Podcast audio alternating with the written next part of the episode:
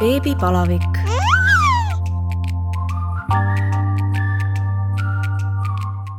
tere tulemast kuulama Õhtulehe podcasti Beebipalavik. mina olen saatejuht Katariina Toomemets ja täna on minu külaliseks toitumisnõustaja Theresa Krents, kes on ka populaarse Instagrami konto Näputoidul beebi vedaja. tere, Theresa! tere!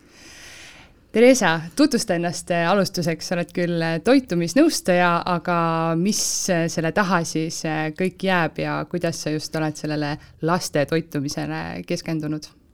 jaa äh,, ma ise mõtlesin ka, et kuidas ma ennast tutvustan, sest et see toitumisnõustaja minu meelest on kuidagi selline nimi, et see natuke hirmutab ära esialgu mm, -hmm. et mõned kohe tunnevad, et ma hakkan nüüd neid hindama ja võib-olla ütlema, et et sa sööd valesti või teed midagi valesti et, et ma tegelikult hästi palju olengi võib-olla emade toetaja ja aitan emadel lapsi toita, et see on minu, minu selline töö tegelikult. et ma olen spetsialiseerunud just beebidele ja väikelastele, see tähendab kuni umbes kaheaastastele lastele, et, et ma näen, et söömise juures on kaks olulist poolt, et üks on see toit, mida me sööme, ja teine oluline pool võib-olla vanema lapse suhte juures on see toitmine see söögi pakkumine mm. -hmm. et minu suur fookus ongi võib-olla sellel toitmise poole peal, selle söögi pakkumise poole peal, et muidugi siia on vaja juurde teadmisi sellest, et mida pakkuda ja kui palju ja millal, aga, aga hästi oluline on tegelikult ka see, et, et kuidas sa seda toitu presenteerid, kuidas sa lapsega suhtled, et see, see osa on see, mis mind ennast väga palju huvitab ja, ja mis tegelikult suure osa minu tööst võib-olla moodustabki no kuidas sa sinnamaale jõudsid, et, et sinust siis, et sa just spetsialeer-, spetsialiseerusidki siis beebidele ja väikelastele?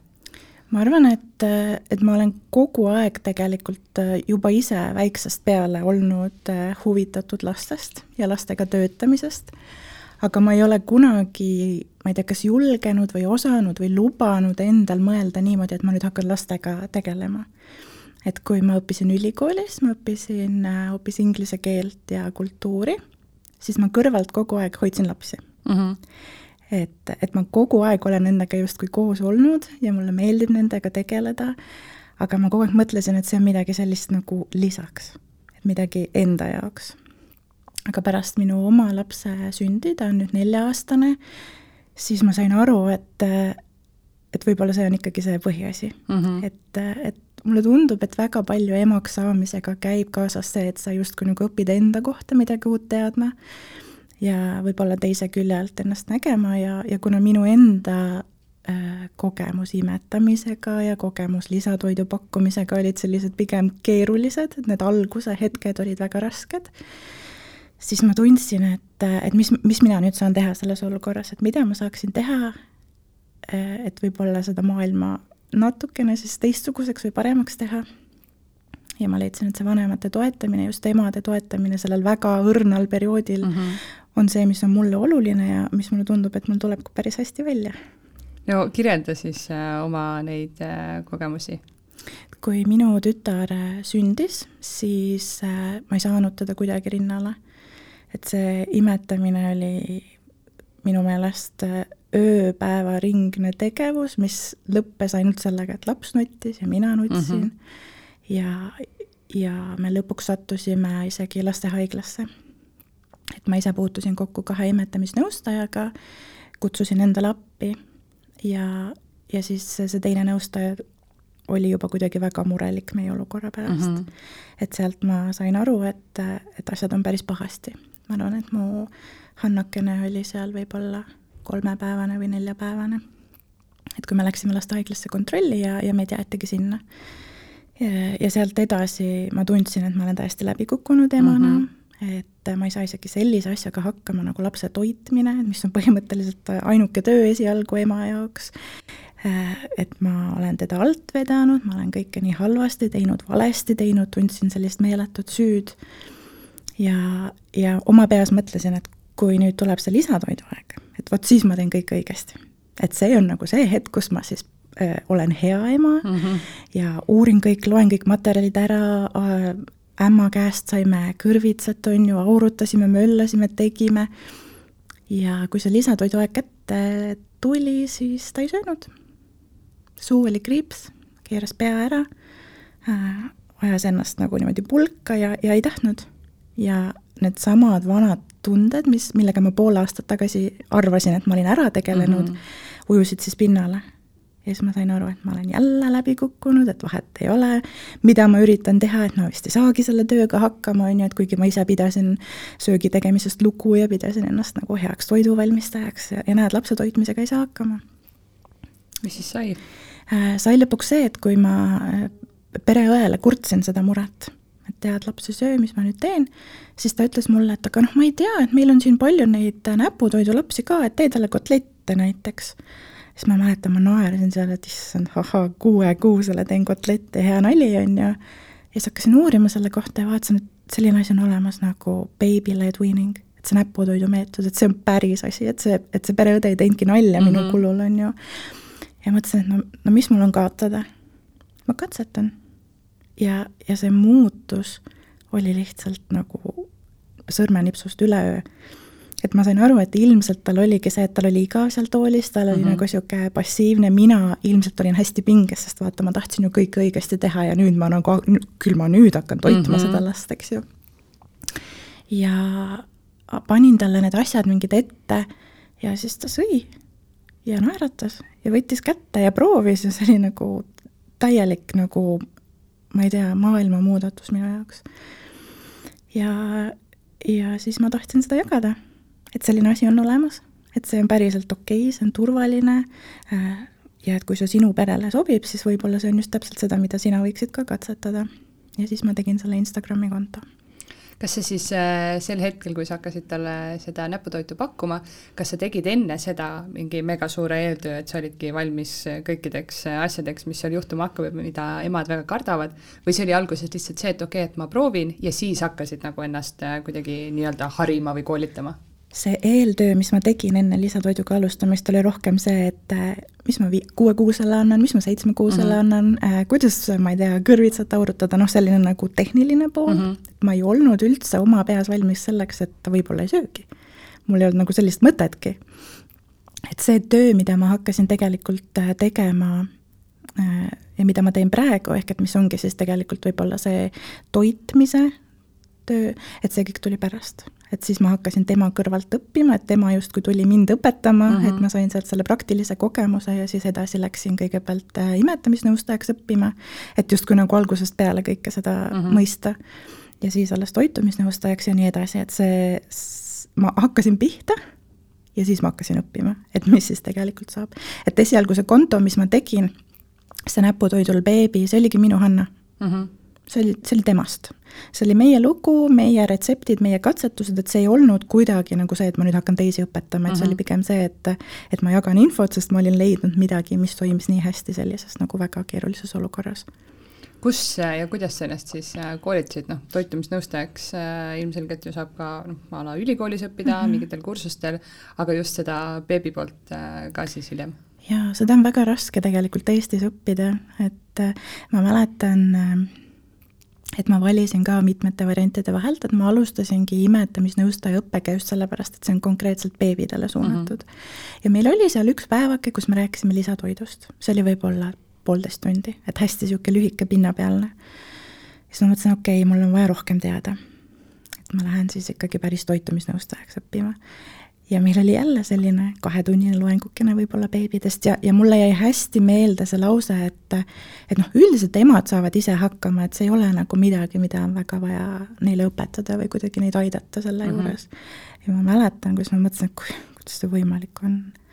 et, et kas mina siis olen ainuke, kes hakkama ei saanud, on ju, et kuidas, kuidas nii aga noh, meil on õnneks hästi palju nagu väga tublisid pereõdesid ja seda materjali, infot on hästi palju võib-olla isegi natuke liiga palju, et ajab segadusse, et ähm, et seda beebide osa ma olen jah pidanud täiendama pigem mingisuguste täiendkoolitustega, et mis on enamasti kas siis äh, Ameerikast või äh, Inglismaalt, et kuskil, kus need teemad on võib-olla natuke rohkem levinud. et need baasõpped ma tegin Eestis läbi, et ma olen lõpetanud Rahvatervise Akadeemia, mitte siis äh, ülikooli haridusega mm, -hmm aga, aga kutseharidusega ja, ja nüüd ma õpin edasi. et nüüd see järgmine samm, mida mina näen, on äh, tegevusteraapia. et ma läksingi uuesti ülikooli ja nüüd on siis see ikkagi nagu rakenduskõrgharidusõpe. et kui ma siiani olen tegelenud nende lastega, kes on muidu terved, arenevad hästi, et siis nüüd ma näen, et tegelikult on väga palju neid lapsi, kes võib-olla vajaksid mingisugust eri, erituge veel söömise juures.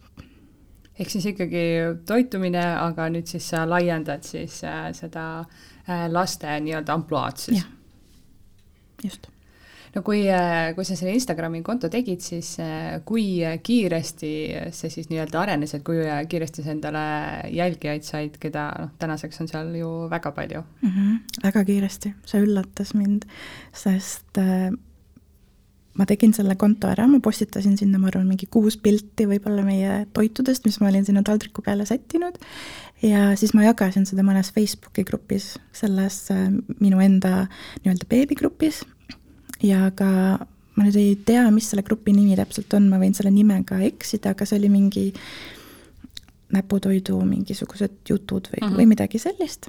ja sealt tuli kohe nagu, ma ei tea, sadades. jaa, ja, ja ma näen seda siiamaani ka, et kui keegi võib-olla mainib kuskil beebigrupis või, või kuskil, et siis tuleb kohe terve hunnik inimesi mm -hmm. juurde, et et see konto on nüüd mul olnud kolm aastat, et ta nüüd on võib-olla isegi Äh, natuke vähem aktiivne, kui ta enne oli, sest et nüüd mul on nii palju muid äh, kliente ja muud tööd ka uh, -huh. et ma ei ole ainult võib-olla seal sotsiaalmeedias juttu rääkimas, aga, aga jah, see üllatas mind, kui kiiresti tegelikult see algus ja kui, kui vägev start see oli no ma kujutan ette, et tänaseks on äh, kindlasti seda infot juba ka ju noh, eesti keeles palju mm -hmm. rohkem, et, et esiteks sinu enda juba materjalid ja koolitused ja, ja neid äh, nii-öelda koolitajaid on ju meil Eestis teisigi mm, -hmm. et et võib-olla see on ka siis üks, üks põhjus äh, ka, miks, äh, miks võib-olla nii palju kohe ka ei tule uusi jälgijaid, sest äh, noh, juba inimesed rohkem nagu teavad sellest asjast. jaa, ma arvan, et minu enda,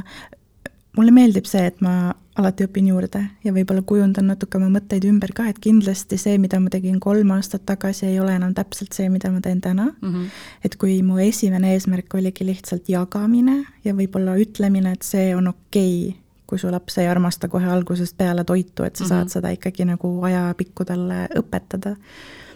ja, ja võib-olla selline esmase info jagamine, siis ma arvan, et see eesmärk on täidetud.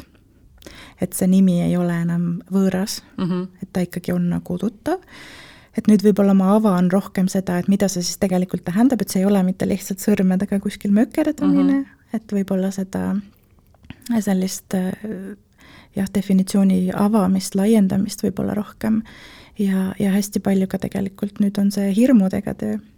et, et sa tead, mis asi see on, aga see tundub põnev, aga hirmus ka. et kuidas seda ikkagi rakendada, nii et et, et see oleks mõnus emale, lapsele, kogu perele ja et, et ta saaks ka kõhu täis ja kasvaks kenasti. no mis see näputoit eh, siis on, mida tähendab näputoitumine? see on, äh, eesti keeles see nimi natukene eksitab, et just see näppude osa, et see justkui kõlab midagi sellist, mida peaks tingimata näppudega mhm. sööma mm. -hmm. et vahel äh, mõni ütleb, et noh, et ma ei taha, et ta seal kätega kausi sees on, et et ma ei taha talle kõiki asju nagu näpu vahele anda et inglise keeles see nimetus on baby-led weaning, mis siis põhimõtteliselt tähendab seda, et laps on see, kes juhib seda mm -hmm. lisatoidu söömise protsessi, et me peame hästi palju lähtuma lapsest, vaatama, milleks tema on valmis. Ja see lähtepunkt ei ole alati kõigil lastel sama, äh, võib-olla see ei ole ka niimoodi, et et sina otsustad, et mina nüüd teen seda ja siis laps tuleb kohe kõigega kaasa. Uh, -huh. et hästi palju ongi see, et me peame vaatama iga last eraldi, aga andma talle võimalus olla aktiivne selle söömise juures, et et mitte hoidma kuidagi ta käsi kinni või hoidma teda sellises asendis, et ta jumala eest ei saaks midagi puudutada, ei saaks ise suhu panna, et äh, püreega saab ka põhimõtteliselt seda teha, et sa saad toitu panna lusika peale valmis, sa saad seda lusikat tema kätte usaldada, et see on eelkõige oma lapse kuulamine, temast lähtumine ja toidu pakkumine nii, et ta saab ise ka seal osaleda. midagi kätte võtta, midagi suhu panna no sa juba ise ka ütlesid, et et see on äh, väga põnev, mina kaheksakuuse lapsena, lapsevanemana nõustun absoluutselt, see on äh, väga põnev ja ka väga hirmutav. millest äh, siis alustada? kui hakata näputoitu pakkuma?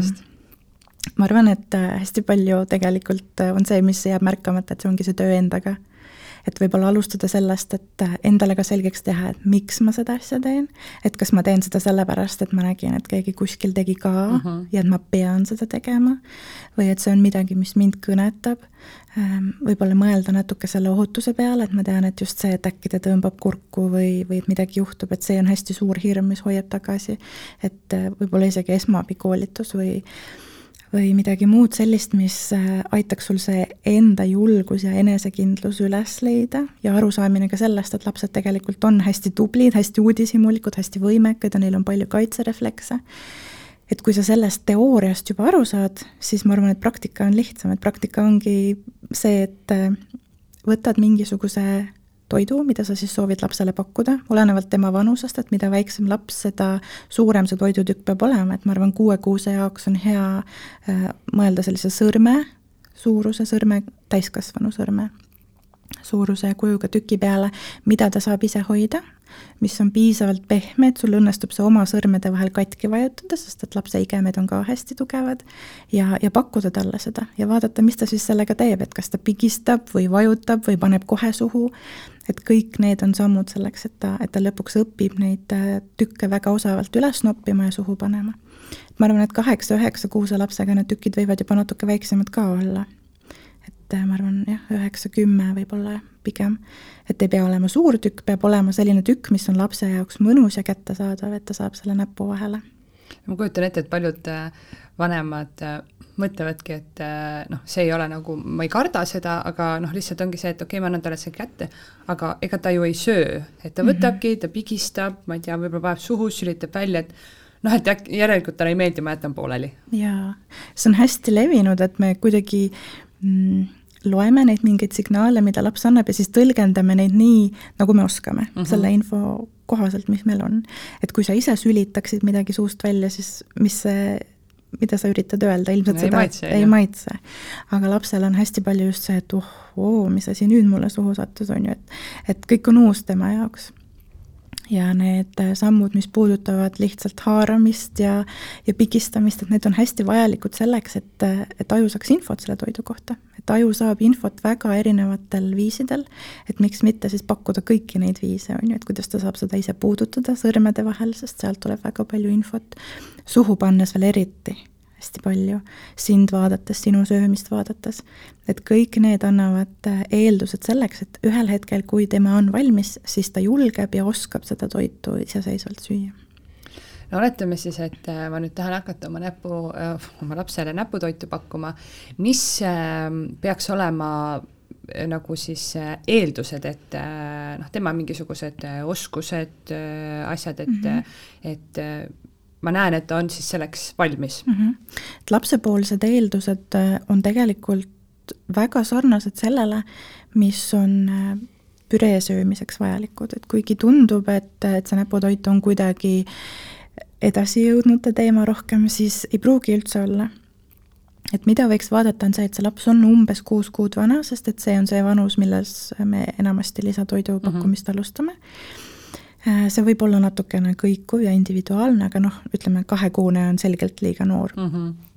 et umbes kuus kuud on see selline hea vanus alustamiseks. tal peaks olema piisavalt hea koordinatsioon, et ta suudab selle tüki kätte võtta ja suuni viia. et kui on mingi põhjus, miks see on lapse jaoks keeruline ja ta istub seal laua taga ja ta võib-olla isegi väga tahab, aga ta lihtsalt ei suuda Äh, noh, siis ilmselt ta vajab natuke teistsugust lähenemist, et, et seda saab vaadata näiteks, et kas ta haarab mänguasja, kas ta mm paneb seda mänguasja suhu, kas ta vahetab seda käest kätte, et seda koordinatsiooni. Äh, ja siis äh, seda kehasirutust, aktiivset istumist.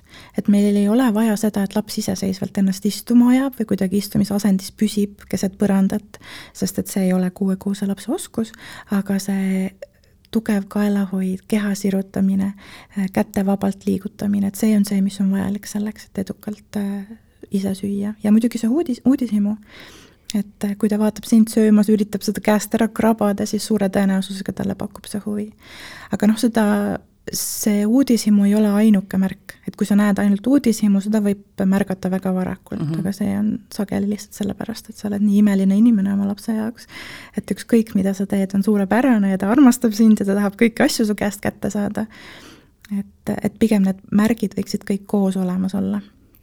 sa ütlesid äh, väga julgustava asja, et et laps ei pea ennast äh, ise istuma ja ma äh, tunnistan, et ka minu jaoks on see üks, üks võib-olla selline mm, asi, mis mind veel natuke on tagasi hoidnud, et, et kuna laps veel ennast äh, ise istuma ei aja, siis äh, õudselt ma nagu kardan äh, teda sinna söögitooli panna, et kas see on okei okay,, kui ma panen ta sinna söögitooli mõneks minutiks, noh, ta ei istu ju seal tund aega ja ei, ei söö neid asju või või ei katsu või peaks sellele kuidagi lähenema ikkagi teistmoodi? Ma arvan, et kui kõik teised märgid on olemas, ta on umbes kuuekuune, üldiselt kõik on nagu hästi siis äh, seda söögitooli panekut söömise ajaks ei pea kartma, eeldusel, et lapsel on seal mugav istuda mm. -hmm. et ta ei ole sundasendis, et ta ei kompenseeri kuidagi teistmoodi, et ta ei vaju küljele ära või, või ei hoia kramplikult ennast kuidagi käte peal püsti.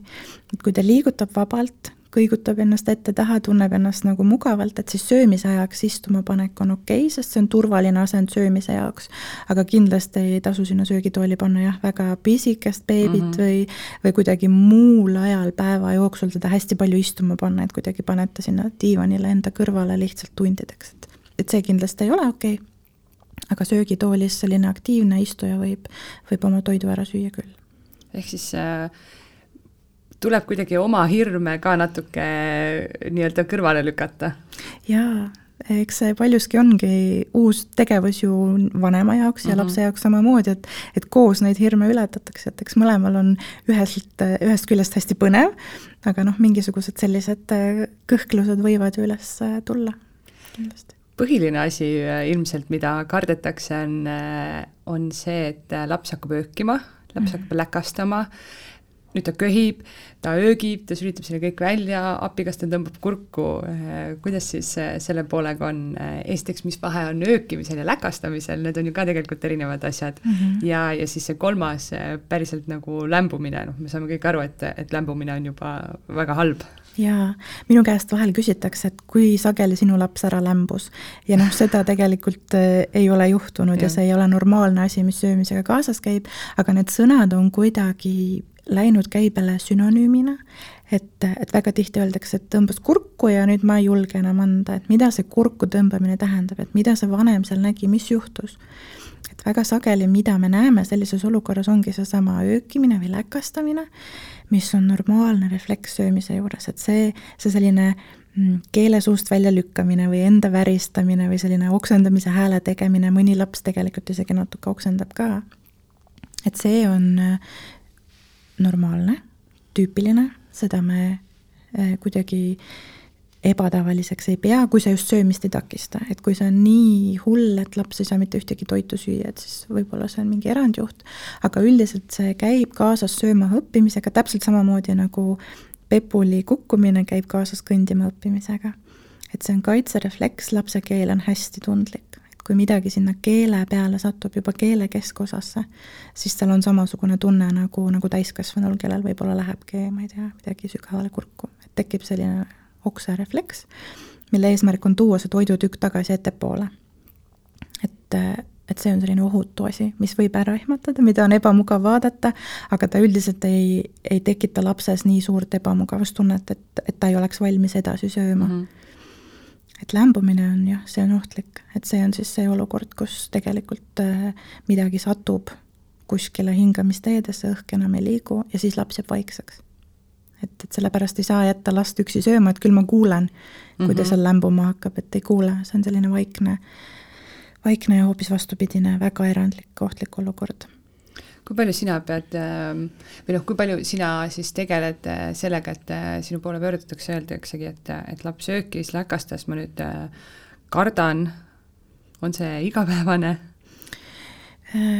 suhteliselt küll et, et kui ma alustasin, siis, siis ma rohkem nagu rääkisingi sellest, et mis see näputoit on ja nii, et sellest ma nagu võib-olla räägin ka, aga nüüd on jah, hästi palju pigem seda, et ma tahan seda teha, aga mu laps millegipärast öögib selle toidu mm -hmm. peale, et mis ma nüüd teen, kas ma tegin midagi valesti, kas mina temaga ei saagi seda, seda tükitoitu pakkuda või, või jah, sellised hirmud, mm, need on jah, igapäevane.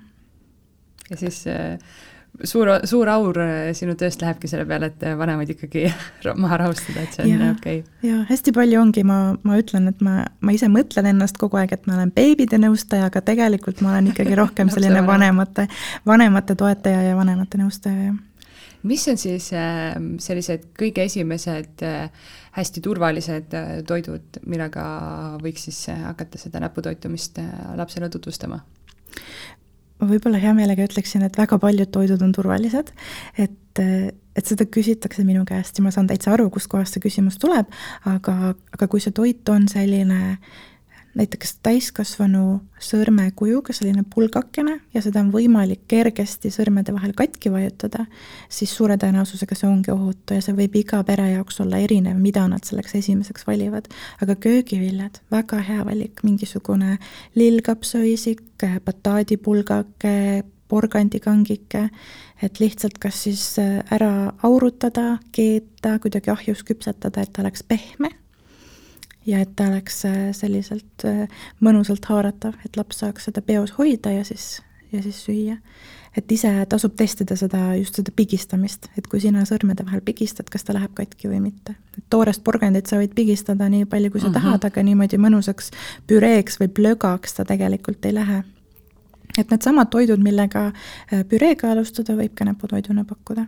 kas seda ohtu ei ole, et või tähendab, kindlasti on, et äh, kui mina jaksan, saan selle ilusti äh, plõgaks vajutada, siis äh, kui laps selle kätte võtab, siis selle asemel, et seda suhu panna, ta vajutab selle käes lihtsalt plõgaks. jaa, võib, muidugi võib, nad on hästi tugevad, ega nad mm -hmm. noh, kui nad haaravad ja pigistavad, neil on jõudu palju, et, et sellepärast võib-olla on hea, et ta ei ole nii pehme, et teda mm -hmm. ei saa üldse kätte võtta, et näiteks ma tean, banaaniga tahetakse alustada, aga banaan on minu meelest ka selline hästi kergesti läheb nagu plõgaks mm, -hmm avokaado on ka mõnus pehme, samas ta on natuke libe, et eks seal on mingeid nüansse, mida vaadata ja, ja võib juhtuda, ikka võib juhtuda, mis siis, hoia paar tükki veel, et kui ta sellest pigistamisest üle saab, et ja, ja eriti, kui sa talle ette näitad ka, et näe, vot ma tegelikult nagu eeldan, et sa seda suhu paned, vaata, kuidas mina teen, siis ta hakkab matkima ja proovib ka.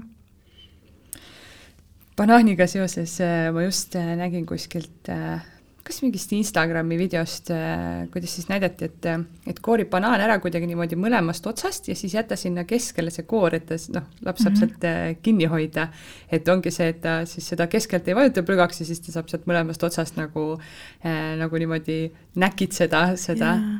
Jaa, neid häkke ja nippe on hästi palju, mis on väga huvitav, et ma arvangi, et äh, enda loovus on see piir, et mulle meeldib ka öelda, et on väga vähe toitusid, mida me üldse ei tohi pakkuda või mille pakkumist me väldime, et et, paljuski ongi see, et kuidas me seda pakume, kuidas mm me teeme selle selliseks, et, et sinu konkreetne laps saaks seda konkreetset toitu süüa.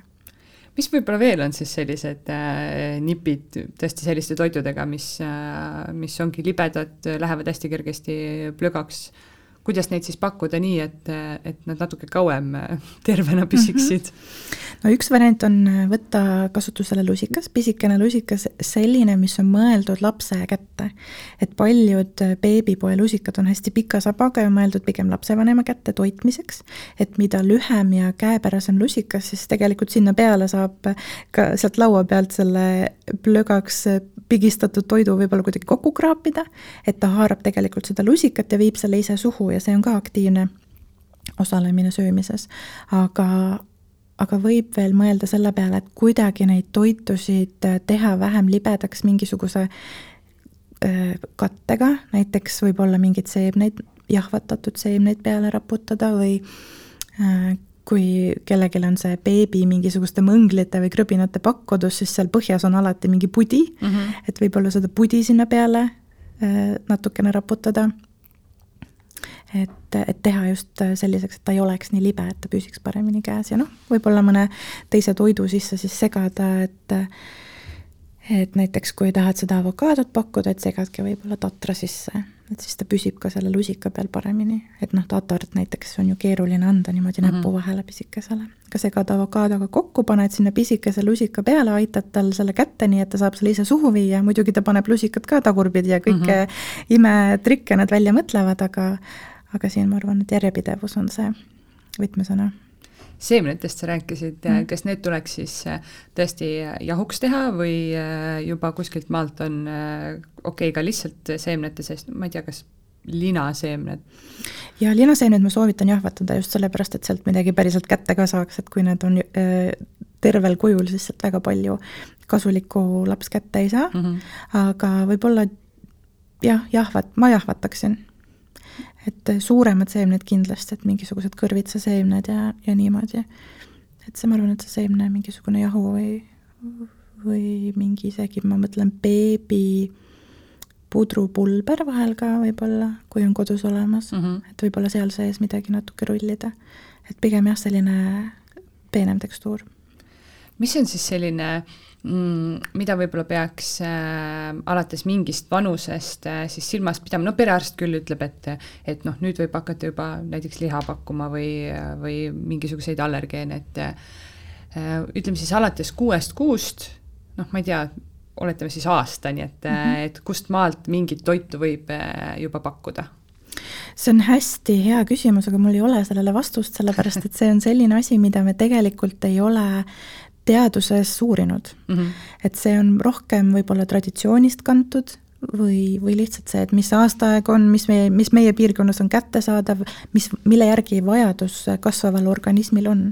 et näiteks, kui me räägimegi lihast, on ju, et tegelikult meil on seda rauda vaja mm. -hmm lapsele anda. et, et selliseid väga rangeid raamistikke aina enam liigutakse nendest eemale, mina isegi nendest väga ei räägi, et võib-olla üks asi, mis meil Eestis on äh, suur, on piimatoodete mm -hmm. tarbimine et see on küll selline asi, et, et kuna suur piimatoodete tarbimine takistab ka raua imendumist, et siis üldiselt eraldi toidukorrana näiteks jogurtit või piima või midagi sellist, lehmapiima ma siis mõtlen, et alla üheksakuusele lapsele me ei, me ei, me ei anna et kui sa tahad panna toidu sisse väikese lusikatäie hapukoort või pudru sisse natukene mingisugust võid ja piima, see on okei okay aga et sa teed suure kausitäie maitsestamata jogurtit lõunasöögiks, et see nagu pigem seal esimese eluaasta lõpus.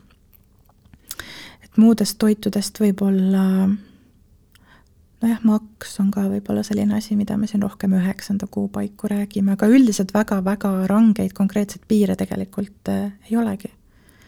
No kala on üks asi, mille kohta ma olen ka kuulnud, et äh, et äh, ma ei tea, mõni ütleb, et kaheksandast kuust, mõni üheksandast, mõni alles kümnendast mm. -hmm. ja tegelikult võib kuuendast. võib jah? jah, et allergeenidega me, see on äh, üks asi, mis on viimastel, ütleme viimased kümme aastat olnud selline teadmine, mis võib-olla ei ole väga äh, massidesse jõudnud mm, -hmm sest et ta oli nii pikalt teistsugune, et ikkagi need allergeensed, topallergeenid just sama, need muna ja kala ja kõik need pähklid, mida enne välditi ja lastele üldse ei antud, et nüüd me anname neid alates kuuendast kuust. et pigem esimesel eluaastal kõik ära pakkuda väikeses koguses, sageli, ükshaaval, aga ikkagi pakkuda. kuidas neid äh, kõige parem siis äh, tutvustada on?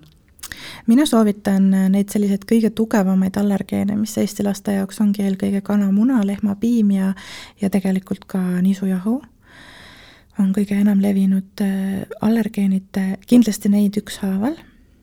Äh, parem kui hommikupoolsel ajal, sest et siis on natuke aega jälgida, mis see lapse organism teeb uh, -huh. kuidas ta sellele reageerib. esialgu väikeses koguses, aga ma jään jälle vastuse võlgu, et mis see väike kogus on, see ei ole defineeritud, meil ei ole selliseid nii täpseid äh, andmeid selle kohta uh. -huh. aga mis iganes siis sinu jaoks see väike kogus on, ütleme mingi selline veerand teelusikatäit näiteks mingisugust muna segada mõne toidu sisse või äh, mm, näiteks äh, kui tahad seda nisujahu tutvustada, võib-olla näiteks riivsaia segada kuskile või, või panna millegi peale, et, et neid variante on jälle sinu enda loo mm, -hmm. noh, loovus paneb need piirid, aga jah, need võib-olla see, et hommikupoolne aeg ükshaaval väikeses koguses, aga sageli, ehk et siis paar korda nädalas pakkuda, et võib-olla need on sellised rangemad teadmised või, või soovitused, mis me oskame anda et siis äh, näiteks äh, esmaspäeval annan, siis uuesti võiks, ma ei tea, kolmapäeval või -hmm. neljapäeval proovida, et siis ja. näed seal vahepeal, mis juhtub. sest alati ei pruugi esimese korraga midagi juhtudagi mm. -hmm. et sellepärast äh, me ehitame seda tolerantsi pikema aja jooksul no igasuguste uute maitsete puhul on ka see, et, et anna üks korraga ja, ja mina olen noh, kuulnud seda, et et siis a la kolme päeva pärast anna uuesti, aga noh, Instagramis ka näiteks mingeid välismaa kontosid jälgides äh, kuskil öeldakse, et iga päev võib anda mm -hmm. juba uue asja, et äh, noh, jälle nii palju erinevaid, erinevaid ütlemisi, et mis see, mis see lõplik tõde siis on? jaa, ma arvan, et see on kuskil seal vahepeal, et beebide toiduga, üldse lastetoiduga meil ei ole tegelikult ammu olnud maailmas sellist perioodi, kus me saame nii palju toitu valida ja üldse mõelda mm, -hmm. mida mhm. me neile pakume, et eelkõige on siiamaani olnud fookus sellele, et kuidas me neid lapsi elus hoiame mm. -hmm. et kuidas me saame neile piisavalt kaloreid, piisavalt toitu. et nüüd me oleme sellises uues olukorras, et kus võib-olla tulebki mõelda sellele, et kuidas me neid lapsi üle ei toida mm. -hmm. ja, ja kuidas me pakume neile kõige paremat toitu selle suure valiku hulgast, mis meil on. ja inimesed vaatavad ähm, ilmselt professionaalid äh, eelkõige vaatavad läbi selle, nende prillide, mis, äh, kellega nemad tööd teevad mm, -hmm. ütleme nii. et on neid, kes tegelevad hästi palju toidutalumatustega, allergiatega, ähm, seedimisprobleemidega, ma olen täiesti kindel, et nemad ütlevadki, et äh, uusi asju eraldi, ettevaatlikult, väikeses koguses tutvustame, vaatame, kuidas see laps hakkama saab. ja siis on need, kes kelle moodi võib-olla mina olen natuke rohkem, kes äh, puutuvad kokku ka nende lastega, kelle jaoks on keeruline uusi toitusid proovida, kes tunnevad hirmu toidu ja söömise ees ja kelle jaoks on äh, just see, et, et kui me pikalt hoiame nende menüüd väga ühekülgsena ja, ja justkui ise ka kardame seda toitu pakkuda ja mitmekesisemaks ja mhm. maitsekamaks teha, et siis me justkui süvendame seda probleemi natukene. et kindel on see, et tugevaid allergeene me pakume ükshaaval, aga, aga palju suurem tõenäosus on see, et lapsel on munaallergia, kui see, et tal on näiteks ma ei tea, kapsa, jah et mina olen sellel seisukohal, et neid tugevaid allergeene kindlasti ükshaaval ja mitte väga kiiresti kokku segada. aga et kui üldiselt tundub, et ei ole mingisugust äh, eelsoodumust või suurt hirmu selle osas, et lapsel on allergia või noh, kahtlustatakse midagi võib-olla juba seal rinnaga toitmise ajal, et siis tegelikult ei pea kartma oma lapse toitmist. jess, ma lähen äh, nüüd koju ja hakkan lapsele kala andma proovida millal oleks äh, õige aeg siis äh, tutvustada lapsele mingisuguseid maitseaineid, soola, mingeid teravaid asju? soola me allaaastase beebitoidule lisa, et sool ja suhkur on sellised asjad, millega võib-olla eestlane on hästi harjunud ja siis öeldaksegi, et beebitoit ei tohi olla maitsestatud mm, -hmm. aga tegelikult me peame silmas seda, et soola ja suhkrut me beebitoidule ei lisa aga muud sellised puhtad maitseained, maitsetaimed, tahad sibulat, küüslauku, paprikapulbrit, kurkumit panna, et seda võib teha. et võib-olla, ma ei tea, esimesed nädalad mitte mm, -hmm. et saaks nagu natuke aimu sellest, et kuidas need puhtad toiduained äh, lähevad, aga ma arvan, et näiteks seitsmekuuse lapse toitu juba kindlasti võiks natukene maitsestada.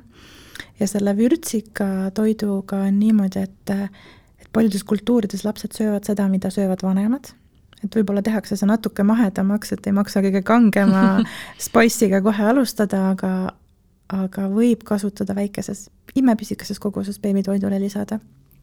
et huvitav on see teadmine ka, et, et beebi tegelikult äh, ema kõhus tunneb äh, lootevedelikus ka neid maitseid, mida mm -hmm. ema oma toiduga sisse sööb, et, et kui sa ise raseduse ajal olid suur vürtsika toiduarmastaja, siis võib-olla su beebile täitsa maitsevad need natukene vürtsikad asjad ka et ei tasu karta eh, panna, ma ei tea, tilli või, eh, või midagi toidu sisse, sest jaa, ei, ei pea kartma, võib, võib panna, see annab ainult sellist sisendit juurde, et midagi on mul suus, midagi ma söön ja et see mm. maitseb hästi ja, ja on mõnus.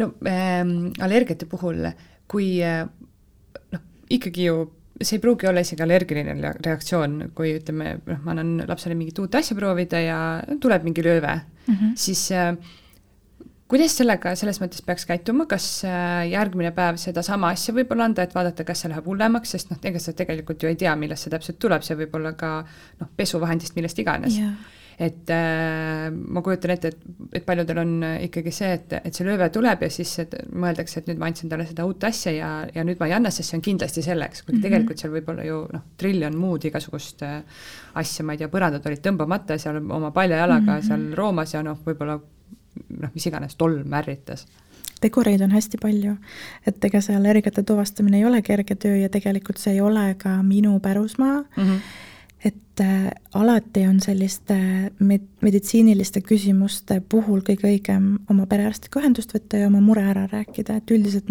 minu meelest meil on väga head ja hoolivad perearstid mm, -hmm. et, et võib nagu pöörduda nende poole ja küsida. Äh, kui tundub, et mingi asi tekitas reaktsiooni, siis väga sageli on mõistlik see nüüd nädalaks või paariks kõrvale jätta ja ikkagi mm -hmm. uuesti proovida ja kui siis ka on midagi, siis kindlasti arstiga edasi rääkida, et mis nüüd teha. aga igaks juhuks suurte toidugruppide menüüst väljavõtmine ei ole väga hea mõte mm. -hmm sa enne ütlesid, et, et mõned lapsed kardavad söömist. kuidas see väljendub? see ilmselt ei ole enam päris beebide teema, vaid juba suuremate laste, ma arvan ja üldiselt beebid on hästi sellised uudishimulikud ja valmis kõike proovima ja käed pikal ja tahavad, aga, aga kuskil seal teise eluaasta ringis äh, väga paljudel lastel selline maitsete avastamise aken läheb kinni, neil ei ole enam endal suurt soovi uusi asju proovida. et see on täitsa tüüpiline, see ei näita midagi, et lapsega on midagi halvasti või valesti, ta lihtsalt arenguliselt on muutunud nii võimekaks, et ta saab aru, et on mingid asjad, mis on tuttavad ja siis on mingid asjad, mis on võõrad, et see võib olla inimestega, kohtadega, toiduga samamoodi. et see on keeruline periood, aga sellest saab üle. eriti kui, kui vanem mõistab, et nüüd ongi see periood käes, see neofoobia, me nimetame seda hirmu siis uute asjade, eelkõige uue toidu ees. aga on ka mõningaid lapsi, kes on võib-olla ülitundlikud toidu osas, et nende jaoks see toit maitsebki väga hapult, väga mõrudalt, väga kibedalt, võib-olla neid on sunnitud midagi sööma, et, et ilmselt kui me nüüd hästi järele mõtleme, siis meil kõigil on mingi mälestus mõnest toidust, mis ei ole just kõige lemmikum ja, ja tavaliselt see on seotud mingisuguse sellise kogemusega, mingi kohaga. lasteaias tehti kalasuppi. jaa, mina mäletan, minu kruubipuder on selline asi, mida mina mäletan, seda lõhna oma lasteaiast ja ma siiamaani ei suuda seda süüa mul oli täpselt see äh, kalasupi asi, sest see lõhnas lihtsalt jõledalt, ma ei söönud seda mitte kunagi. ja mõned aastad tagasi äh, meil olid äh, Kihnus suvepäevad ja siis tuli lõuna ja siis öeldi, et kalasupp on. Ja ma mõtlesin täiesti lõpp, ma ei söö ju seda, et nüüd ma jään nälga. aga siis ma nuusutasin, see ei lõhnanud üldse nii jõledalt nagu lasteaias. Ja ma proovisin ja see oli jube hea. Yeah et äh, see on jah, äh, ma olen eluaeg öelnud, et ma ei söö kalasuppi, aga, aga seda kalasuppi ma seal äh, sõin lausa kaks portsu. no vot, et seda on hea meeles pidada ka, ka laste puhul, et, et miski ei ole kivisse raiutud, et need maitsemeeled on kogu aeg arengus ja muutuvad, et ilmselt on palju asju, mida väiksena ei söönud, nüüd tegelikult maitseb mm -hmm. ja enamasti nende negatiivsete kogemuste ümber ongi mingisugune surve või ärevus, mure, stress, pinge, midagi seal on ja noh, võib-olla ka mingisuguseid selliseid äh, haigusi või, või lapse omapärased, et kus, kus see söömine on keerulisem kui, kui keskmisel lapsel. kas beebidel üldse on äh, seda, et äh, võib öelda, et talle mingi asi ei maitse?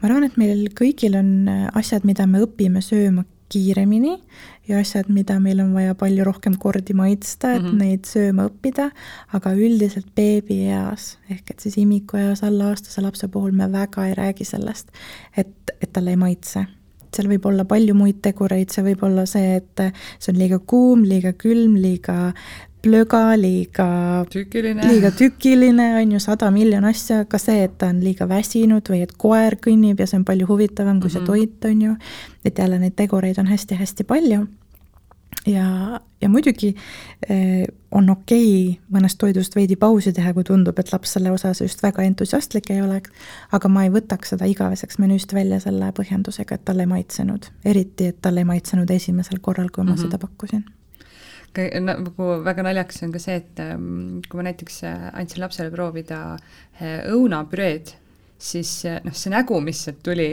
see oli täiesti, see oli jube naljakas, aga ma saan aru, et tema jaoks on see, ongi uus, okei okay,, siis ma proovisin seda, see oli tõesti natuke hapu mm, -hmm. et, äh, et siis äh, jah, noh, mitmete toitudega on ikkagi nagu see, et, et sa annad seda lapsele siis ta teeb seal mingit nägu ja siis noh, see on jumala normaalne, et sa, et sa mõtledki, et et kas talle nüüd ei maitse, noh samas järgmine kord ta juba ei teinud nii haput nägu mm -hmm. selle peale, et et ma kujutan ette, et, et väga palju tõesti inim-, noh, tekibki mõtteid just sellepärast, et aa, talle ei maitse, ta ei taha seda, sest see esimene äh, esimene reaktsioon ongi selline, et tõesti ma sülitan selle välja või mm, -hmm. või mis iganes. jah, või nad väristavad ennast või tõmbavad mm -hmm. kuidagi näokrimpsu, et nad on hästi, nad on hästi ekspressiivsed. just, täpselt et, et see miimika ja mis sinna kõike juurde käib, et sellest ei tasu nagu oma liiga targa täiskasvanu mõistusega kõike välja lugeda, et mm -hmm. noh, et talle vist ei maitsenud, vaid lihtsalt ongi see, et oi, see üllatas sind, et jaa, see on noh, hea, et sa ise proovisid, oligi mm -hmm. hapu, on ju mm. -hmm.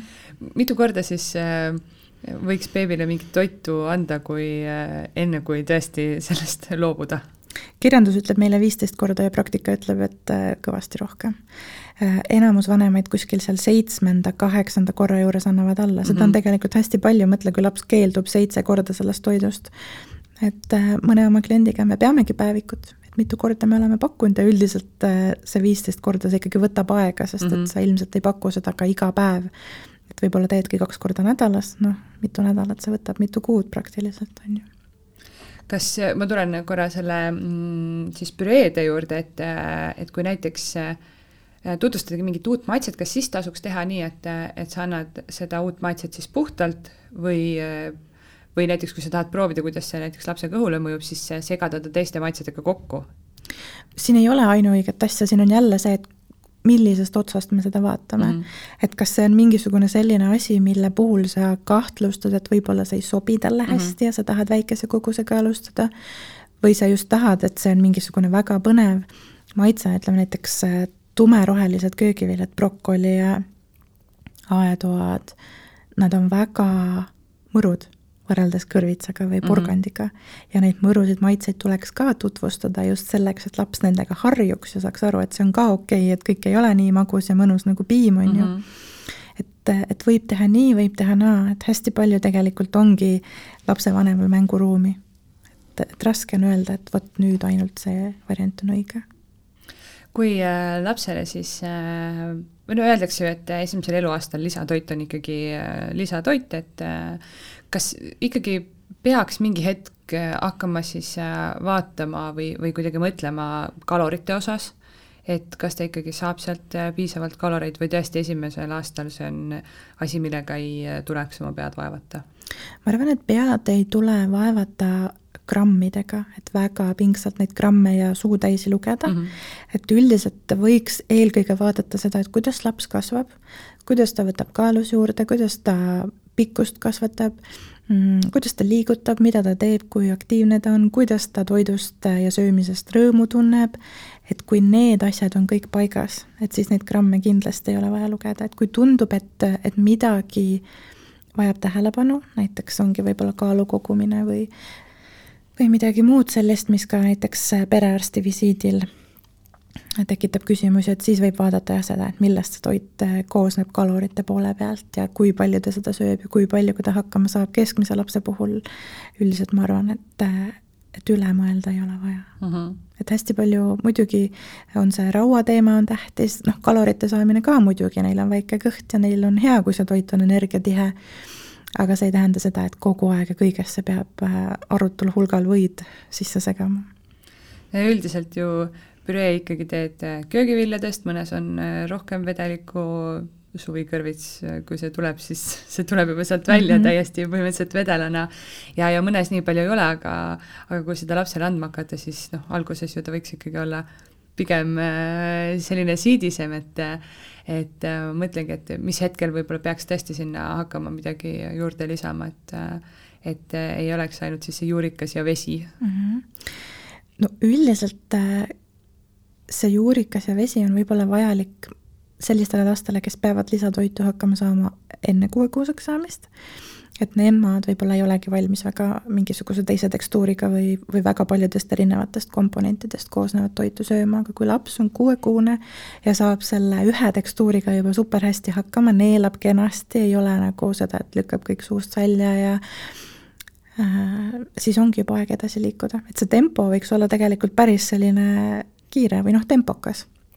et tekstuuri mõttes ka, et kui need kogused siidise püree puhul kasvavad juba väga suureks, siis see on hea märk sellest, et tegelikult ta on valmis seda natuke tükilisemat või, või kas või isegi näputoitu proovima. kui mul on äh, sügav külm tehtud täis äh, siidist püreed mm, -hmm. siis kuidas ma selle tükiliseks saan? jaa, kartul on näiteks hea asi, mis aitab, et kuna ta on selline kahvliga katki võetades näiteks teeb, äh, eks ju, paksemaks mm -hmm. selle toidu mm,. sa võid seda kasutada, oleneb püreest, mina väga palju küpsetasin näiteks kõrvitsapüreega, et ta on just selline hea magustaja, et kui sa tahad kuskile natuke magusamat maitset lisada mm, -hmm. et võid hoopis sinna ära kasutada mm,. igasugused köögiviljapüreed on suurepärased kastmed igasugusteks asjadeks. näiteks pudru peale näiteks pudru peale, aga ka näiteks võib-olla, kui sa mingil hetkel keedad mingeid väikseid makarone või või segad selle köögiviljaga kokku või, või paned kas või teedki mingit lihatoitu ja paned selle köögivilja sinna kastmeks nagu. jälle loovus on ju.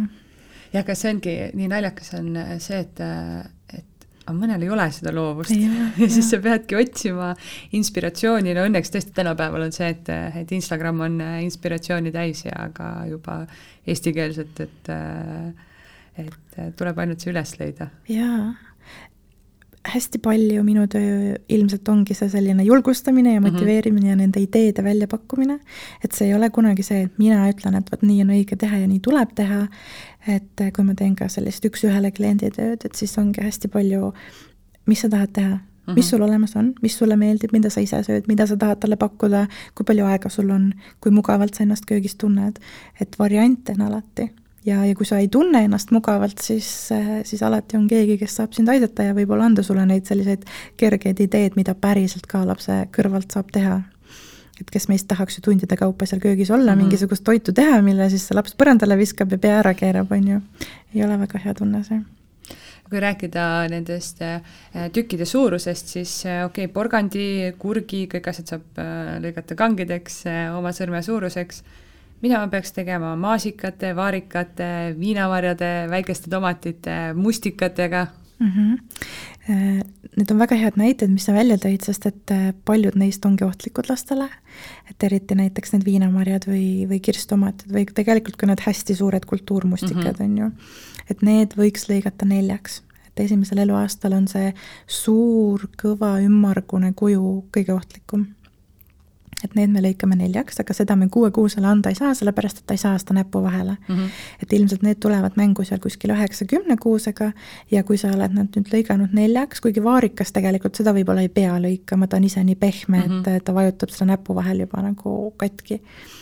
et, et võivad olla sellised ampsu suurused tükid ja, ja need pisikesed maasikad, need siis ka neljaks, aga kui on tõesti noh, hiigelsuur maasikas on ju, mis on lapse rusikast suurem, et ma arvan, et selle võib talle lihtsalt niisama ka kätte anda söömiseks.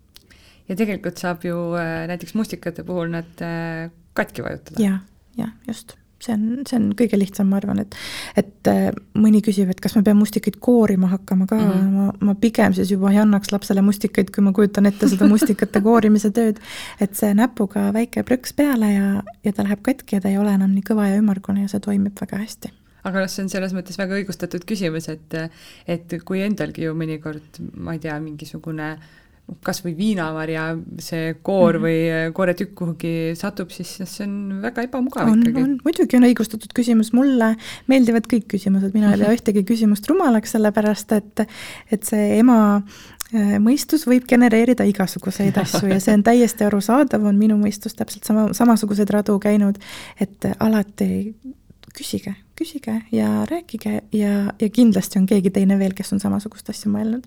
et need koorimise ja koore teemad on hästi aktuaalsed.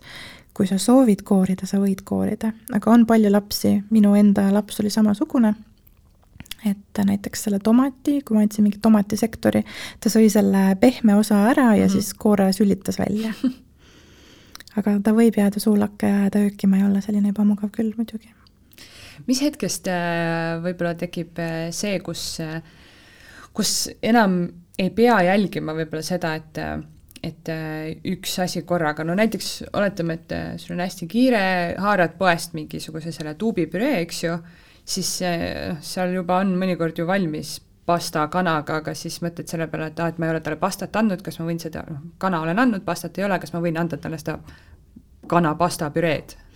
jaa, sellist konkreetset vanust ei ole, et ma tean, et on ka neid, kes usuvad, et ka täiskasvanul oleks hea võib-olla uusi asju ükshaaval süüa ja harjutada ennast mm -hmm. sellega.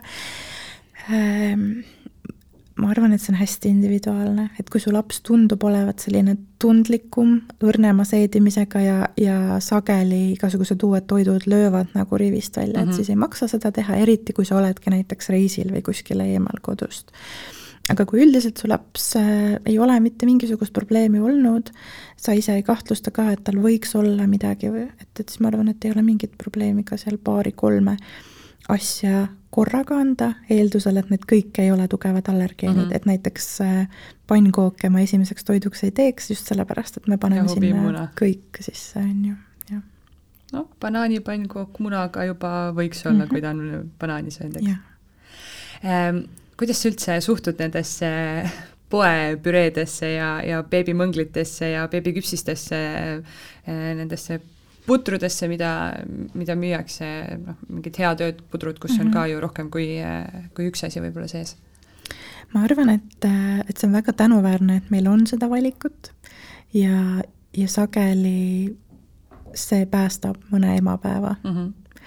aga kui sulle tundub, et sul on võimalik, sul on ressurssi ja aega, jõudu kodus süüa teha, siis see võiks alati olla number üks valik et need beebimõnglid on väga hea vahend, millega hetkeks võib-olla lapse tähelepanu kõrvale juhtida. ma olen ise ka seda teinud. kes meist ei oleks, eks ju, aga, aga see võiks olla tõesti selline hädaabi asi, et mitte võib-olla igapäevane regulaarne rutiin. ja ma arvan, et nende püreede ja, ja valmistoitudega üleüldiselt, et kui sa ise ei toitu ainult sellistest toodetest mm, -hmm. et siis miks peaks sinu laps, aga samas nii hea, et nad on olemas, et meil on see võimalus, et me otsustame, et me nüüd sõidame kuskile ja mm -hmm. saame sealt ka selle toidu kätte.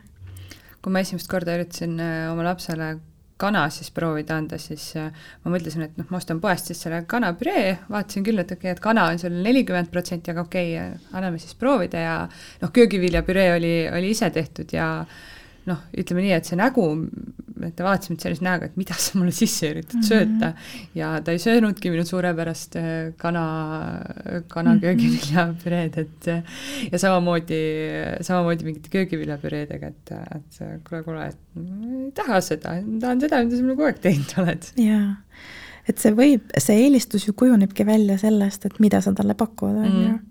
ja lihtsam on eelistada tegelikult äh, asju, mis tulevad suurest tööstusest, sest need on kogu aeg samasugused, sama maitsega, sama tekstuuriga, nad peavad olema, see peab olema standard mm, -hmm. on ju, seal ei saa lubada selliseid kõikumisi, nagu sul kodus on, et täna tuli supp veidi paremini välja kui eile mm. -hmm. ja, ja, ja neile meeldib see selline rutiin ja kindlus ja nad, et nad teavad, mis sellest toidust tuleb. et võib-olla see on ka jah, üks põhjus, et miks mitte liialt äh, last ära harjutada sellise toiduga, mida mm -hmm. sa tead, et sa võib-olla üheaastasele, kaheaastasele enam ju tegelikult osta ei taha jah, ja samas võib-olla ma andsin ka jälle liiga kiiresti alla, sest mulle tundus, et talle ei maitsenud mm, -hmm. aga, mhm. aga võib-olla see oli lihtsalt jälle mingi uus asi yeah., et oleks äh, pidanud talle mitu päeva seda andma. jaa. kas sa ise proovisid seda? ei proovinud. oleksid söönud, mis sa arvad?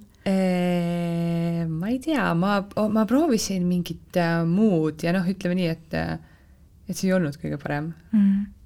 et äh, ja siis, ja siis ükskord ma üritasin talle anda mingit purgi köögiviljapüreed külmana mm. -hmm mis siis äh, noh, ka kui ma seda pärast nuusutasin, ei seal oli köögivili ja liha ja kui ma seda nuusutasin, siis äh, noh, ütleme nii, et see ei lõhnanud väga hästi.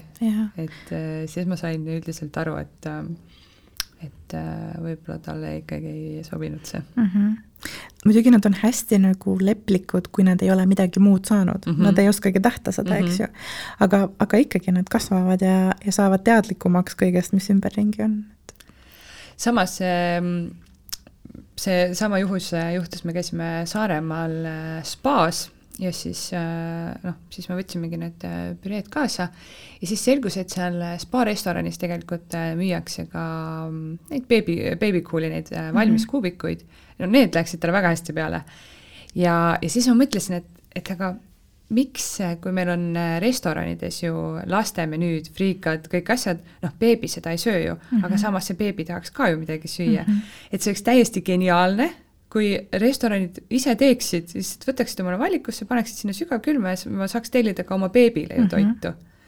et äh, kas sa tead üldse Eestis äh, põhimõtteliselt kohti, kus, kus selline variant on?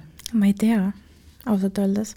Äh, eriti kui sa mõtled püree osas, sest et minul isiklikult äh, sellist varianti ei olnudki, et mm -hmm. ma mhm. pakuks talle püreed, kuna tema oli väga konkreetne, et et me räägime küll sellest, et näputoit on hästi tore ja kasulik, aga just nendes olukordades, kus sa oled kodust eemal mm -hmm. ja kõik eeldavad, et su beebi sööb püreed ja siis tuleb välja, et ta ei söö yeah, seda, on ju, et mis sa siis teed. et ma ei tea, aga tegelikult see oleks ju väga peresõbralik, on ju. et kindlasti see ema läheks kuskile, kus mõeldakse ka tema beebi peale mm. -hmm et sa ei peagi ise midagi kaasa vedama või mm -hmm ühesõnaga, kui ma teen kunagi restorani, mida ilmselt ei juhtu, siis kindlasti ma hakkan seal pakkuma ka beebidele püreed yeah. ja varianti näputoitu tellida mm. -hmm aga mm, no sa enne ka ütlesid, et see, et see näputoit võib-olla kuidagi äh, nagu kitsendab seda, seda maailma, et, et tegelikult on see baby led weaning ja, ja saab talle anda äh, lusikat äh, isesöömiseks. millal üldse peaks äh, lapsele siis äh, nii-öelda söögiriistu tutvustama ja, ja millal võiks siis oodata, et ta nendega midagi teha oskab? Kui ta on juba aastaseks saanud, siis kindlasti võiks panna selle lusika sinna kõrvale, aga miks mitte algusest peale lapse kätte oma lusikas, see on täitsa okei okay,, lihtsalt esimesel eluaastal ei ole mõtet oodata, et ta sellega väga osav on mm. -hmm. samas mõned on ja neile tõesti meeldib. aga ma arvan, et selline oskus lusikaga süüa võiks olla kuskil aasta neljakuusel, aasta kuuekuusel ja kaheaastane võiks kahvliga hakkama saada ja kolmeaastane võiks lauakombeid teha et, et kui me aastaselt seda kõike ootame, siis seda on võib-olla natuke liiga palju tema, neid ootusi tema peale panna. no mina olen näiteks äh, vahepeal, ütleme, laps sööb äh, püree ära ja lihtsalt andnud talle selle lusika ja siis noh, ta mängib sellega, kas seda tasub teha või ta hakkab kuidagi võtma, et see ongi nüüd mänguasi, noh näiteks ta on põrandal ja siis tal on see lusikas käes ja siis ta tükk aega närib ja kopsib seda vastu põrandat, et kas sellist asja äh, pigem teha või pigem mitte teha, et ikkagi kuidagi hoida nagu seda, eh, seda teadmist, et lusikas on söömiseks, mitte mängimiseks? laps õpib läbi mängu, nii et ma arvan, et igasugust mängu tasub soodustada ja eriti need lapsed, kellele ei meeldi väga, et neil on midagi suus mm. -hmm aga nad on nõus seda lusikat ise närima ja uurima, siis see võib kaasa tuua seda, et ühel hetkel ta ka söögilauas on nagu natukene rohkem valmis seda lusikat suhu panema. ja, ja muidugi lapse jaoks on need lauanõud täpselt sama huvitavad kui see toit mm, -hmm. et seda ilmselt tunnevad palju ära, et ta üritab selle taldriku lahti kangutada ja teistpidi keerata ja, ja kõike nagu uurida, et ta võibki neid asju enne uurida, et siis, kui ta tuleb sööma, et siis toit on see, mis on uus, mitte see taldrik jah, meie makaronide pakkumine lõppes ka sellega, et ta ka kallas need makaronid sinna kandiku peale laiali ja siis näris seda kaussi. just, just, täpselt et see kauss on, on samamoodi uus ja huvitav ja tahaks seda ka uurida ja tundma õppida. Ühesõnaga, see, selle teema puhul on äh, väga palju seda, et ei tasu ära kohkuda kohe esimestest nii-öelda tagasilöökidest, et äh, tõesti, kas või see öökimine või see, kui ta viskab äh, selle toidu laiali ja, ja keerab selle taldriku tagurpidi ja tahab seda, seda närida ja kindlasti ei tasu sellest heituda ja, ja lõpetada või kuidagi ära ehmatada ja mõelda, et nüüd ongi kõik pahasti ja kõik on valesti, et, et ilmselt, kui ma nüüd mõtlen tagasi selle tarkusega, mis mul on nüüd ka oma beebiea peale, siis ma ei olnud sugugi nii läbi kukkunud ja kõik ei läinud nii halvasti, see lihtsalt tundus kuidagi, tundus kuidagi niimoodi ja, ja võib-olla võimendas seda veel see, et, et kõigil teistel on ju nii hästi, kuidas mul siis on teistmoodi, aga aga ma võin jah kinnitada, et, et see algus on selline üles-alla et ei ole sirgjooneline, et ta istub kenasti oma tooli taga ja sööb kõik ära ja mm ütleb aitäh! ja ja siis peseb oma näo veel ise ka ära, et seda kindlasti ei ole, et pigem ongi sellist katsumist ja uurimist ja avastamist ja üks päev on nii ja teine päev on naa ja, ja see ongi tüüpiline. Ja lapsevanemana ju äh, tasuks ka ikkagi selleks aega võtta, sest äh, kui sa lased oma lapsel ise avastada, siis äh, ilmselt seal on ikkagi üheksakümmend üheksa koma üheksa protsenti kindlasti pärast kõvasti koristamist. jaa, see koristamine, seda tuleb igal juhul ette, kui laps sööb, et see ei ole võib-olla mõne jaoks see on nagu see miinus, et miks ta ei taha seda mm -hmm. näputoitu pakkuda, et ta tahab asju hoida hästi puhtana ja teha seda koristamise tööd lihtsamaks. et võib-olla mõelda selle peale, et kuidas siis seda koristamist lihtsamaks teha, et kas ongi nii, et on hea soe kodu ja laps sööbki paljalt või vastupidi, tal on seljas mingid riided, millest just väga kahju ei ole mm. -hmm. või siis sa sätid kuidagi nii, et need kõige määrivamad toidud ongi täpselt vannipäeval, on ju, et kui, kui naha pärast ei kannata liiga tihti pesta. et, et see puudutamine, see on hästi oluline selleks, et laps saaks aru, et tegelikult on okei okay ka natuke mustaks saada, on okei okay ise toitu võtta ja suhu panna, et, et see ei käi nii, et ma istun ja ootan.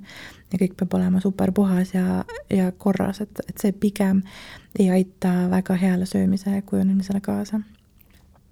aga arusaadav muidugi, neid kohustusi on lapsevanemal väga palju, et et, et seda koristamist äh, kuidagi kergemaks teha, et see soov on loomulik. kui palju, äh, kui äh, laps seda näputoitu sööb, siis kas ta sellest päriselt kõhu täis ka saab? Tore on ju see, et esimesel eluaastal me kõike pakumegi piimale lisaks, et me ei eeldagi seda, et ta kohe saab kõhu täis. et see ongi hästi palju alles oskuste kujundamine mm -hmm. ja arusaamine sellest, et kuidas ühel hetkel, kuidas see kõht täis süüa. aga, aga kui sa vanematega räägid, siis sa kuuled, et, et tundub, et nagu eriti midagi kõhtu ei läinudki, aga tead, siis ma hakkasin seda mähet vahetama ja siis ma nägin, et ta on söönud küll, on ju et jällegi võib-olla nende grammide ja lusikatäite lugemise asemel, mida on äh, ise toitmisel ju hästi lihtne teha, sest mm -hmm. sa ju mhm. näed, sa, sa tead, et see purk saab tühjemaks ja ja see kauss saab tühjemaks, et, et seda näputoidu puhul ei saa teha, aga, aga kas on vaja?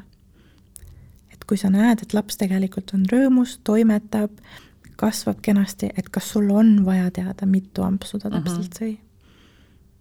et ikkagi Äh, võta nii, et, et las ta tutvub ja, ja on äh, kõik korras. jah, et muidugi, kui sa näed, et, et laps ise ei, ei ole rahul sellega või küsib su abi rohkem mm, või et ta mitte kunagi mitte midagi ei julge puudutada, ei julge suhu panna, et noh, need on nagu sellised kohad, et võiks mõelda, et kas, kas see meetod sobib, kas mm -hmm. kõik on hästi, aga kui sa üldiselt näed, et ta on aktiivne, tunneb huvi, kasvab, et, et siis las ta tutvub, just täpselt ma tulen veel korra tagasi selle mm, söögitooli teema juurde, et et äh, ju alguses ka öeldakse, et äh, et kui sa hakkad lapsele siis püreed pakkuma, et siis teda võib toita ka ju lamamistoolis. Äh, mida sina toitumisnõustajana sellest arvad ja, ja kui, millal siis on mitte okei okay enam lasta tal seal lamamistoolis süüa?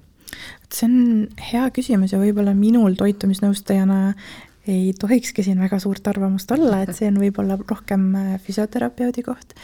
Äh, ma olen seda küsinud, konsulteerinud ja, ja jälle saanud hästi vastakaid arvamusi mm, -hmm. mis teeb nagu kõik lapsevanema jaoks nii raskeks, sest et kui spetsialistid räägivad erinevat mm -hmm. juttu, siis on raske teada, mida ma nüüd pean tegema mm.. kui sa toidad last hästi vedela püreega, siis ilmselt on see lamamistool okei okay aga nii, kui sa näed, et tal on seda aktiivset istumist, siis on hea mõte pakkuda talle seda aktiivsust söögilauas ka. et see võib olla süles, kuigi süles toitmine on ka nagu keeruline, eks, et sa hoiad teda ja kuidagi pakud mm -hmm. ja mhm. kuidas sa siis sellel teda vaatad, on ju. aga kui sa näed, et ta on võimeline selleks aktiivsuseks, siis tasub seda soodustada millal sa jõudsid äh, siis selleni, et, äh, et sa hakkasid äh, päriselt teisi inimesi ka koolitama, et, et Instagrami kontost kasvas siis välja sinu enda koduleht, blogi, koolitused, raamatud? see juhtus kõik kuidagi nii, et ma ise ei saanud arugi, et see juhtub et ma arvan, et see oli ikkagi tänu nendele armsatele emadele, kes jagasid minuga oma lugusid ja nii tore on näha, et on palju emasid, kes on nüüd teise või kolmanda ringiga jälle tagasi, on ju. et uue beebiga jälle tulevad meelde tuletama. et, et see algas kõigepealt lihtsalt sellest, et mina olin oma sellises sõprusringkonnas, tutvusringkonnas üks esimestest, kes sai lapse. ja mul ei olnud mitte kedagi kellega mm -hmm. rääkida nendest teemadest ja, ja mõtteid vahetada ja siis ma lihtsalt mõtlesin, et ma teen selliseid vestlusringe et ma kutsusingi paar-kolm ema oma koju, tegime sellise nagu noh, et lapsed said seal natuke mängida ja meie saime natuke juttu rääkida aga fookus oli siis sellel, et kui keegi tahab midagi toitumise kohta küsida, et, et siis ma võin jagada meie mhm. kogemust mm. -hmm no ja mingil hetkel kasvas sealt välja see, et, et nad soovitasid seda edasi ja, ja siis hakkasid nagu inimesed mulle kirjutama, et kas, kas ma nõustan ka ja siis ma sain aru, et okei okay,, nüüd ma vist pean ettevõtteks saama, on ju, et ma pean kuidagi seda tegema ja, ja see, see lihtsalt on nagu vastavalt nõudlusele kasvanud, et, et lapsed on suuremaks saanud, siis ma olen äh, laiendanud ka seda vanusegruppi, kellega ma töötan, juurde õppinud, et põhimõtteliselt lihtsalt vaadanud, et kus, kus ma näen seda kohta, kus ma saaksin kuidagi panustada ja jõuda inimesteni ja aidata neil seda enesekindlust leida. Ma tean, et sa teed äh, veebikoolitusi, kui palju sa selliseid äh, üks-ühele konsultatsioone teed, kas see on nagu suurem osa sinu tööst või, või on ikkagi need veebikoolitused? see on olnud hästi kõikuv, et praegu sellist üks-ühele tööd on vähe, just sellepärast, et kuna ma olen nüüd ise ülikoolis mm, -hmm. et siis ma lihtsalt ei ole mm, tahtnud ohverdada ka oma lapsega ja, ja perega olemise aega. et kui ma teen veebikoolitust, siis ma saan rääkida viiekümne inimesega mm -hmm. korraga. Aga ma pakun seda küll, sest on palju asju, mis ei ole sellised äh, veebiteemad et näiteks ongi see selline tõesti nii suur hirm, et sa ei julgegi teha mitte midagi äh, ja sul ei ole endal ka seda võrgustikku võib-olla ümber, et ma tulengi koju ja me anname koos lapsele süüa. et ma olen seal olemas, vaatan, et äh, sina jääksid rahulikuks, et lapsel oleks kõik hästi, et sa saaksid praktiliselt kõik asjad läbi teha. et seda ma teen ja teen natuke ka sellist, natuke vanemate lastega, äh, et kuidas õppida uut toitu proovima, kuidas lapsele äh, presenteerida ja pakkuda ja kuidas toidust rääkida, et selliseid individuaalnõustamisi ka. kui ma alustasin, siis suhteliselt kiiresti tuli koroona peale mm, -hmm. et siis ma kolisin põhiliselt veebi ja sinna noh, ma ikkagi suhteliselt olen jäänud, aga, aga nüüd natukene ka ikkagi sellist äh, kontakttööd Äh, kliente on sul äh, kindlasti päris palju, kas sa oled mõelnud, et, et võib-olla võtaks nüüd omale mõne töötaja? ma olen mõelnud selle peale küll, aga, aga ma arvan, et, et täna ei ole see päev. et kuna ma ikkagi näen, et, et mul on veel endal soovi ja ruumi, kuhu kasvada mm, -hmm. et natukene võib-olla muuta ka seda suunda, eks ma tegelikult, kui ma päris aus olen, ma olengi võib-olla natuke rebrand imas just praegu et, et võtta juurde veel mingeid teemasid, mis siiamaani ei ole olnud fookuses. et võib-olla kunagi Theresa, aitäh sulle, äh, väga põnev äh, vestlus oli, see lapse toitumise maailm on väga põnev ja ma loodan, et, et kõik äh, emad, kellel on hirmud näputoitumisega alustamise ees, kindlasti leiavad ka edaspidi tee sinu juurde ja et sina ise ka saad oma väljakutsetes veel laiemaks minna ja, ja ennast koolitada kõikidel nendel teemadel, mis sind veel huvitavad. aitäh, aitäh, et sa kutsusid mind! aitäh kuulamast! Kuula beebipalavikku üle nädala neljapäeviti Spotify'st, iTunes'ist või kust iganes oma podcast'id leiad